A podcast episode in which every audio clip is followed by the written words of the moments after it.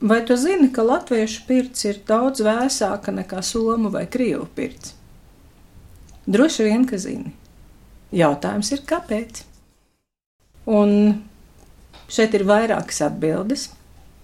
Un viena tāda ļoti svarīga ir tā, ka sildoties zemākā temperatūrā, tātad nepārsniedzot 65 grādus Celsija, sasilšanas process notiek lēnāk un vienmērīgāk, un mēs varam caursilt dziļāk. Tādēļ, ka ļoti lielā temperatūrā āda dabūnot ļoti lielu karstumu impulsu, rāda ķermenim signālu, un tādā pārnestā nozīmē izsakoties, ķermenis ieslēdz bremzes. Un sāk aizsargāties pret tālāku karstumu uzņemšanu vienkārši tādēļ, ka ir par karstu. Savukārt, lēnā siltumā šīs bremzes tik ātri neieslēdzas, un mēs varam sasilt vienmērīgāk un dziļāk. Ārpus tā, protams, ir ļoti labi pa brītiņam iziet no pirts ārā. Ne tikai tādēļ, lai dabūtu gaisa skābekli, bet arī tādēļ, lai atdzesētu galvenokārt tādu. Un, ieejot atpakaļ pirtī, tad šis sasilšanas process turpinās. Mūsu senči lietoja tādu teicienu: izsildīties līdz kauliem.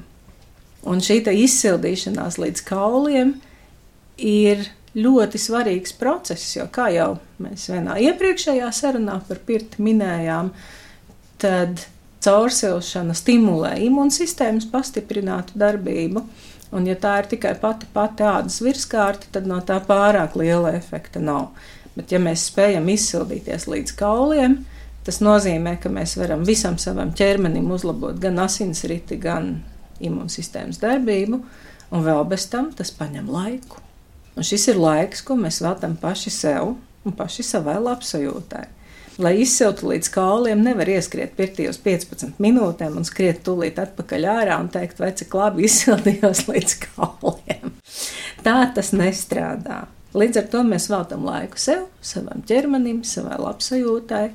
Un tas mūsdienās tik plaši pielietotais tāds eh, rosinājums, jeb formula, nu sāc mīlēt sevi, iespējams var sākties arī pirtī ar to, ka mēs ļaujam sev laiku, savai labsajūtai laiku, savam ķermenim laiku, un atļaujamies tanī brīdī nedomāt par kaut kādām citām sāpīgām lietām, tādām, kas izraisa mūsos lielāku stresu. Jo vēl ir tāda interesanta lieta, ka mūsu karstuma sajūta ir subjektīva, un To visvieglāk var raksturot ar tādu matemātisku formulu, ka tas, kā mēs izjūtam karstumu, ir divu ciparu summa - temperatūras un mitruma rādītāja summa. Nu, tā kā piemēram, ja pirts temperatūra ir 80 grādi un mitrums ir 30, tad mēs iegūstam skaitli 110, kas tādā saprotamā valodā nozīmē, ka ir patīkami karsts.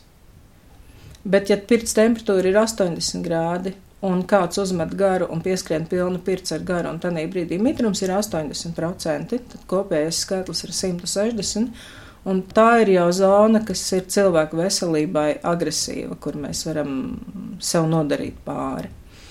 Tiek uzskatīts, ka šī komforta zona turās apmēram no 100 līdz 130, 140, protams, atkarīgi no katra cilvēka izjūtām. Uh, Un tad tā ir kombinācija, ka, ja, piemēram, pirts ir 60 vai 50 grādu, tad mēs varam ļoti labi mest gariņu un lietot daudz tvaiku, jo pieļaujamais mitrums ir līdz pat 90 grādiem.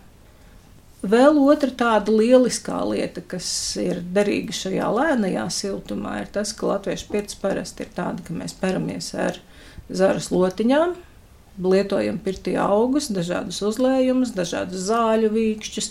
Ar vārdu sakot, bagātīgi pielietojam to, ko nu mums māte daba dod. Vasarā svaigā veidā, ziemā kaltētā veidā, bet tā pašā laikā nu, var jau arī iedomāties, ka ļoti lielā temperatūrā mūsu augi ātri pārvēršas, tātad lapas var fermentēties, mainīt savas īpašības. Un Man patīk tā pajokoties, ka, ja ļoti karstā ūdenī iemērts slotu, tad tas ūdens ātri pārvēršas tējā, bet pirtslotas lapās jau nepaliek tas labums, kas viņās bija pirms tam. Un tad, kad mēs strādājam zemākā temperatūrā, tad augi saglabā tās savas oriģinālās īpašības, neizmainītās. Un arī daudz vielu, kas karstumā iet bojā, mūsu pirts process ir efektīvāks un pilnīgāks. Un tā ir varbūt tāda vairāk bioķīmiskā puse. Bet runājot par šo labbūtību un ļaušanu sev labi justies, šajā zemajā temperatūrā slotiņas arī daudz ilgāk smaržo un ļauj mums baudīt pirts procesu tā ar visām maņām.